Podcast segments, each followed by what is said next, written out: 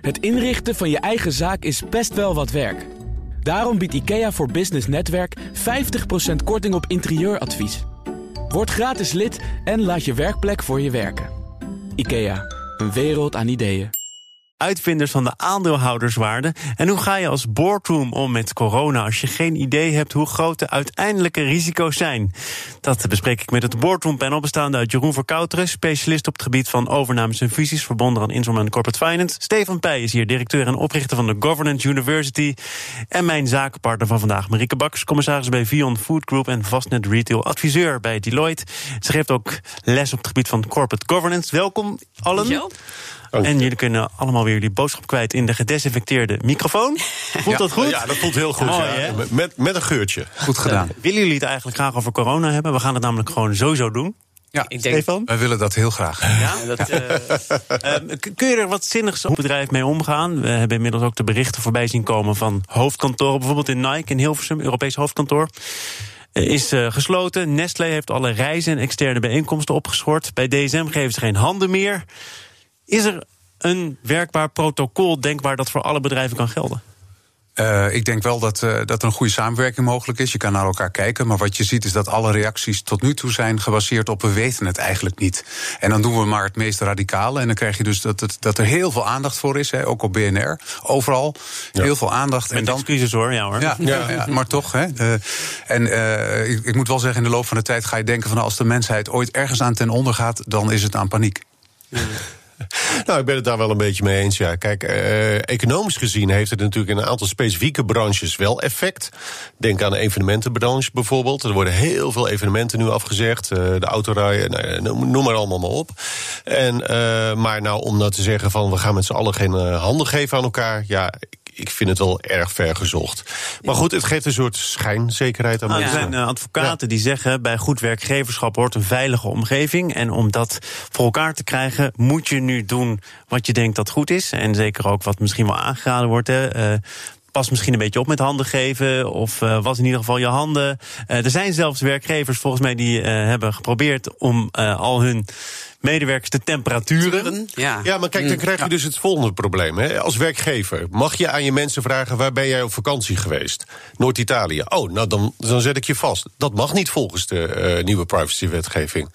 Dus eh, ja, je hoe mag ga je heel daar veel dan niet. mee om? Maar het RIVM zegt bijvoorbeeld: kom je uit Noord-Italië, eh, tre- tref, zelf maatregelen. Klopt, En- maar en dus dus niet de verantwoordelijkheid bij de werknemer. Maar als werkgever mag je niet vragen aan, aan de persoon... van waar kom je vandaan? Ja, je kan het, je kan het voorstellen. Ik denk dat wat, eh, wat je kan doen, eh, en wat absoluut wel je verantwoordelijkheid is, is dat je op een eh, goede en transparante manier eh, je werknemers inlicht over eh, wat precies op dit moment de situatie is ten aanzien van corona. Wat je weet en wat je niet eens, ja. En dat je ook, het, bijvoorbeeld, de meeste mensen vallen niet in de kwetsbare doelgroep, maar dat je je eigen verantwoordelijkheid neemt. en ten aanzien van wel mensen die een verminderde weerstand hebben. En als je weet, ik kom uit Noord-Italië. Het zou eventueel niet zo erg zijn voor mij, maar ik kan eventueel anderen daarmee dan wel echt schade berokkenen en, en, en heel ziek maken. Nou, dat, dat is iets. En ik denk leg je ook. de verantwoordelijkheid bij de werknemer. En dan ja, niet denk bij de je, de- werkgever. precies. En, en ik denk dat wat je, wat je als bedrijf doet, of als werkgever doet, is dat je eh, op een hele transparante en ik vind zelf rustige manier, namelijk gewoon door de feiten zoals wij die nu kennen, eh, uiteen te zetten. Hè, dat eh, het, is, het is een virus, het heeft een lange incubatietijd, het is heel besmettelijk, maar 85% eh, wordt gewoon, krijgt gewoon een, een griep. En 15% en die behoort dan tot een meer kwetsbare groep, die moet waarschijnlijk eh, eh, meer eh, die be- ja, beademd worden of, of, of zoiets. Maar dat is een hele beperkte groep. Eh, en ik denk dat je, dat je het zo ook moet, moet stellen. En vervolgens, eh, dan gaan we het misschien straks hebben over wat je dan vanuit een RVC-oogpunt eh eventueel. Nou, jij mag er doen. nu mee beginnen, want je zit in die RVC's. Dus vertel. dus, ehm, nou ik denk dat eh, wat zich nu als een soort eh, goede best practice aan het ontwikkelen is, is dat je, eh, en dat ik wil het woord crisismanagement niet, niet echt eh, eh, in de mond nemen, maar dat, je, dat je wat je hebt een situatie die zich dagelijks ontwikkelt en waarvan de uitkomst nog niet zeker is. En wat je dan zinnigerwijze kan doen, is dat je in een soort taskforce gaat zitten. En dat is overigens niet iets voor commissarissen, maar dat is iets voor de RVB en, en de lagen daaronder. Uh, en dat je um, in die taskforce, uh, rapporterend aan de CEO, uh, allerlei van alle componenten goed bij elkaar zet. Dus dan kijk je naar bijvoorbeeld naar de, de aankoopbeleid, maar je kijkt ook naar een soort sensitivity testing op financieel gebied. Uh, heb ik genoeg liquiditeit in het bedrijf? Mocht het uh, heel erg gaan tegenvallen? Pas ik mijn sales en marketing aan?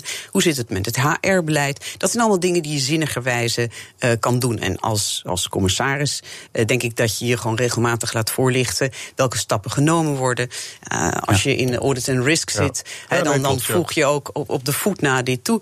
Ik, dat zijn zinnige dingen die je kan doen. En voor de rest zijn er, een, een, denk ik nu grofweg drietal scenario's... die van het valt allemaal wel mee tot we krijgen een pandemie... en de hele wereld en we gaan naar een recessie. Ja. Nou, en, en ergens daartussenin uh, zal je naar een soort most likely scenario gaan. Ik heb niet het idee dat Nederland en het Nederlandse bedrijfsleven al helemaal is lam gelegd. Jullie wel? Nee, helemaal niet. valt wel mee met de paniek. Nee, we moeten, dat, we moeten gewoon oppassen voor de self-fulfilling prophecy. Ja. Hè, dat je dus uh, gelijk naar alle hoogste alertheidsniveaus uh, opschakelt. Straks komen de berichten die het misschien wat relativeren. En dan gaat iedereen opeens helemaal corona-moe weer wat anders doen. En ik denk dat ook daar de waarheid in het midden ligt. Is ja. dat je gewoon wel moet opschakelen. Wat Marieke ook zegt. Van goed meekijken met bijvoorbeeld zo'n taskforce. En vanuit allerlei commissies van, de, van de Raad van Bestuur en noem maar op.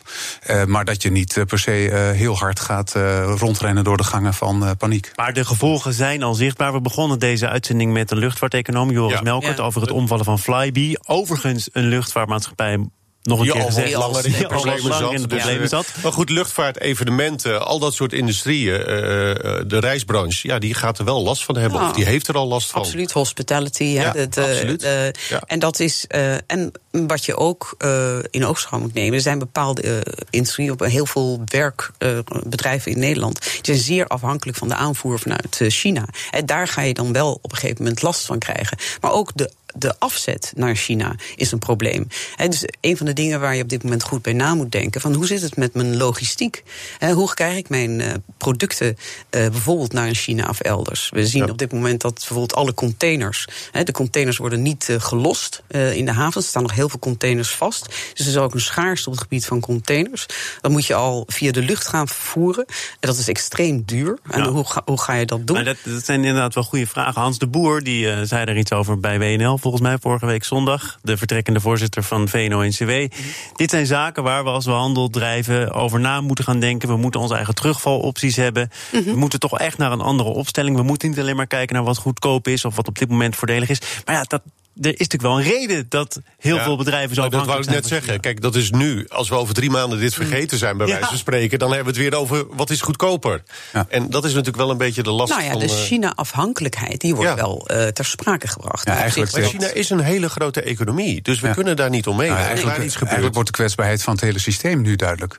Ja, dus alle oorzaak gevolg. Dus uh, dat is niet alleen China, maar gewoon de uh, interdependentie nou, van al die ja, precies, landen. De, globale, de globalisering. Maar hoe kunnen we dat tegenhouden? Ja, dat ja, kan niet meer. Nee, dus nee, dat is, nee, houdt zo snel kan het gaan. Ja. Ja. Hoeveel scenario's uh, moet je klaar hebben liggen? Want uh, ja, je zei het al, je moet gaan nadenken over productie, distributie. Alles staat nu onder druk. Alles kan ter discussie komen te staan. Je kunt misschien opschuiven naar Vietnam of naar iets wat een beetje in de regio ligt. Maar is dat voor een groot bedrijf misschien aanzienlijk makkelijker dan voor een klein bedrijf of andersom? Het is niet, het is niet zomaar gedaan. Nee, het is niet. En een van de problemen die in Vietnam en Cambodja hebben, is dat ze heel veel van hun grondstoffen betrekken uit China. Dus uh, daarmee los je het probleem ja. niet op. Ketenafhankelijk. het, is, het is een enorme ketenafhankelijkheid. Dus ik denk dat je, dat je daar niet. Ik denk dat wat, wat natuurlijk interessant gaat zijn. wat op een gegeven moment het scenario gaat worden ten aanzien van corona.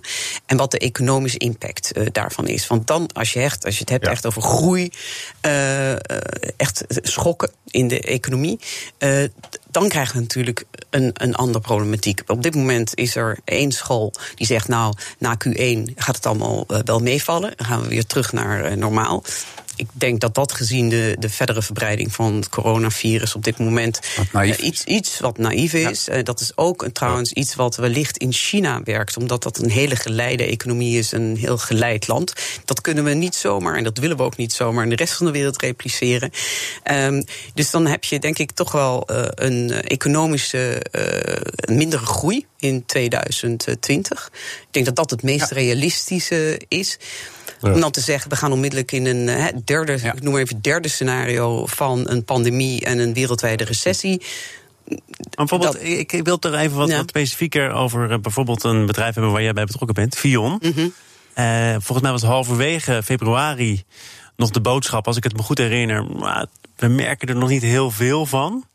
Uh, vanuit China, hè? want jullie, jullie zijn natuurlijk ook betrokken bij, bij China. Jullie leveren daar denk ik aan. Wat, wat, wat is op dit moment de situatie? Of kan je er niks over zeggen? Ik denk dat het een hele goede gewoonte is dat commissarissen niet zeggen over de bedrijven waar ze bij betrokken zijn. Uh, en dat je, en dat je de, maar dat, dat je ten alle tijden altijd de, de, CEO van Fion kan bevragen of de communicatie. Ten alle tijden, ja, dat vind ik interessant. Uh, nou ja, je mag een uitleg misschien, misschien, misschien, misschien kan hij het over plant-based proteins gaan hebben. Ah, ja, maar bijvoorbeeld. Dat, dat het, ja, ook zeker. Misschien ja. als we nog tijd over hebben. Ja. Maar je kan wel vragen wat de commissaris doet bij Fion.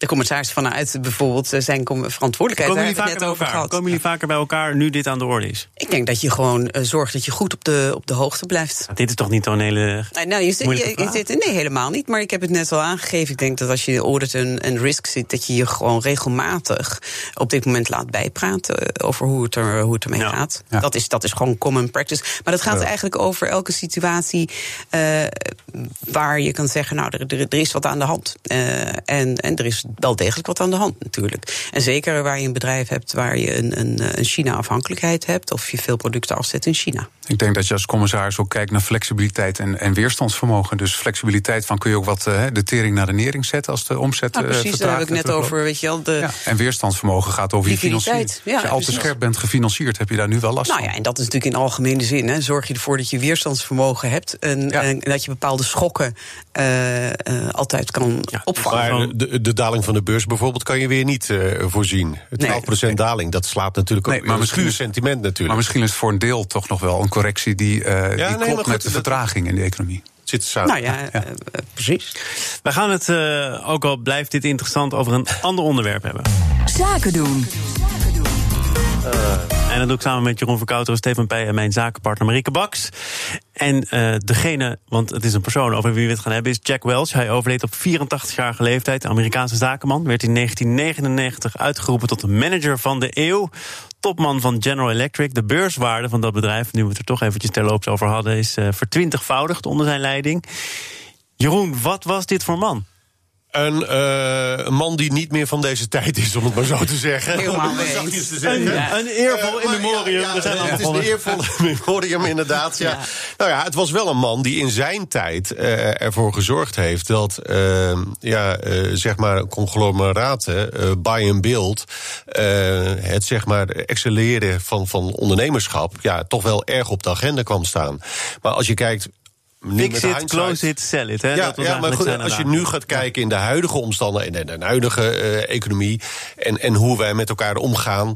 Ja, ja dan denk ik dat uh, de tafeldame daar misschien een heel ander beeld over heeft. Maar het was niet een man waarvan je zegt in de huidige uh, MeToo-situatie... dat hij nou echt oh, heel erg goed dat, past. Dat, dat kleeft ook nog aan hem? Nou ja, ja goed, hij was niet. Hij was, la, laat ik het zo zeggen, hij was niet uh, de meest. Uh, mm. uh, nou ja, hoe moet ik omschrijven? Nou ja, een nette man is een groot woord.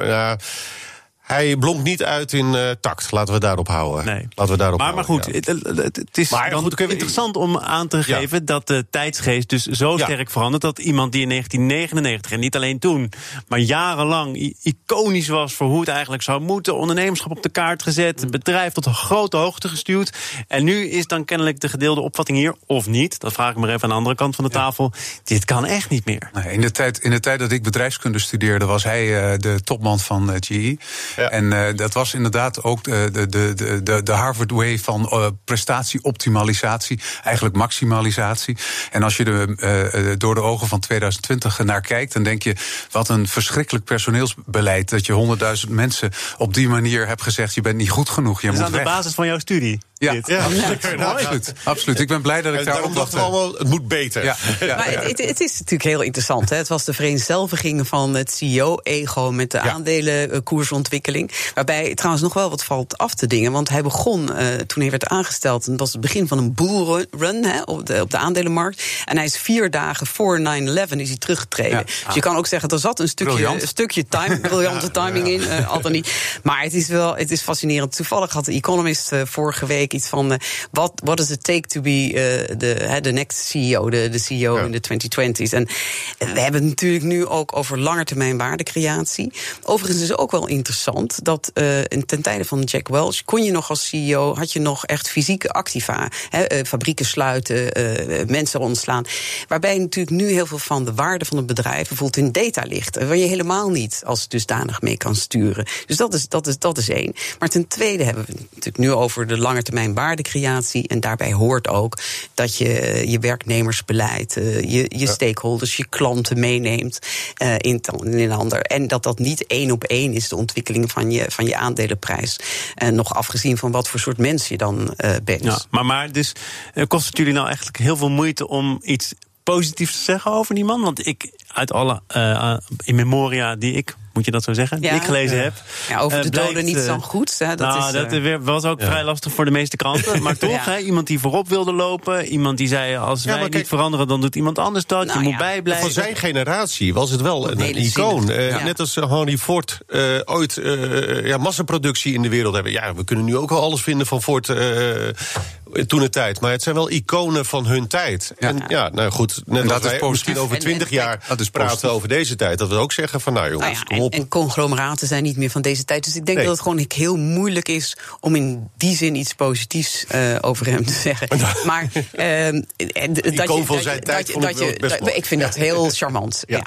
Ja. Stefan, want, eh, nou, jij hebt dat dus allemaal tot je moeten nemen, mogen Ja, nemen. ja. Wat, wat heb je onthouden? Wat is er echt van waarde geweest dan toch? Nou ja, kijk, eh, hij, hij, heeft, hij is natuurlijk wel de grondlegger van veel dingen eh, die we, waar we nu op voortbouwen op een andere manier. Hè. We hebben een bocht gemaakt van eh, maximalisatie van aan- aandeelhouderswaarde naar waardecreatie op lange termijn.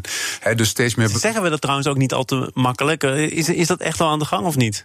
Nou ja, als, als, de, als de beleggers het willen, dan wil BlackRock het ook. En dan, willen, dan moeten de bedrijven het enzovoort. Dus, en het begint bij de consument. En het begint, hè, de, als, zo- zolang de consument naar winkels gaat, waar ze totaal niet eh, letten op of, er slaaf, of het slaaf of kind vrij is, bij wijze van spreken. De, eh, de, co- de consument is, vind ik, best wel meedogenloos. En de de aandeelhouder is nu als eerste echt wel aan het veranderen. Nou, en de werknemers zijn ook steeds meedogenlozer. Als je nu kijkt op bijvoorbeeld hè, als Google of in bepaalde producten wil stappen, en dan zeggen bijvoorbeeld een heel aantal medewerkers, nou maar dat willen wij helemaal niet aan meewerken. Dus je hebt ook die repercussies. Eh, dus maar nee, sorry, jij Ja, ging vertellen ja, de- wat je van Dus ik denk dat Jack Welch wel de grondlegger is van een aantal bedrijfskundige principes waar we wel op zijn van gaan voortbouwen. En dat moeten we hem dan toch nageven, want eh, ja, hij heeft een enorme legacy achtergelaten. En dat kun je in, die- in, deze tijd veroordelen. En dat doen we dan ook eh, ruimhartig. maar eh, ik denk dat je- we dat toch wel die credits ook moeten geven dat hij, eh, dat hij echt veel, veel heeft neergezet. Nou eh, ja, op, kostenefficiënt bezig zijn en, en Ja. zinnige bedrijfsvoering, dat zijn natuurlijk gewoon basisprincipes die, die blijven vier overeind Het staan. bedrijf is zelf niet zo vier overeind blijven staan Nee, dat is trouwens dat is het Nou hele dat- interessante. dat brokkelt dan wel snel en dat af. brokkelt dan heel snel af. En er waren natuurlijk ook allemaal opmerkingen over toch de financiering van een heleboel eh, van, zijn, eh, van de bedrijven Nou, via de, finance stack van GE. Klopt, en het is natuurlijk ook een soort eh allegaatje geworden natuurlijk. Hè. Op een gegeven moment... eh, Dat heel makkelijk disrupted kan worden. ja, hè, één. Dus, eh, Nou, in, in de eerste tien jaar van deze eeuw had je ook nog veel van die financieringsstructuren, hè, van de Klopt, balansverkorting en dat soort dingen. Ja.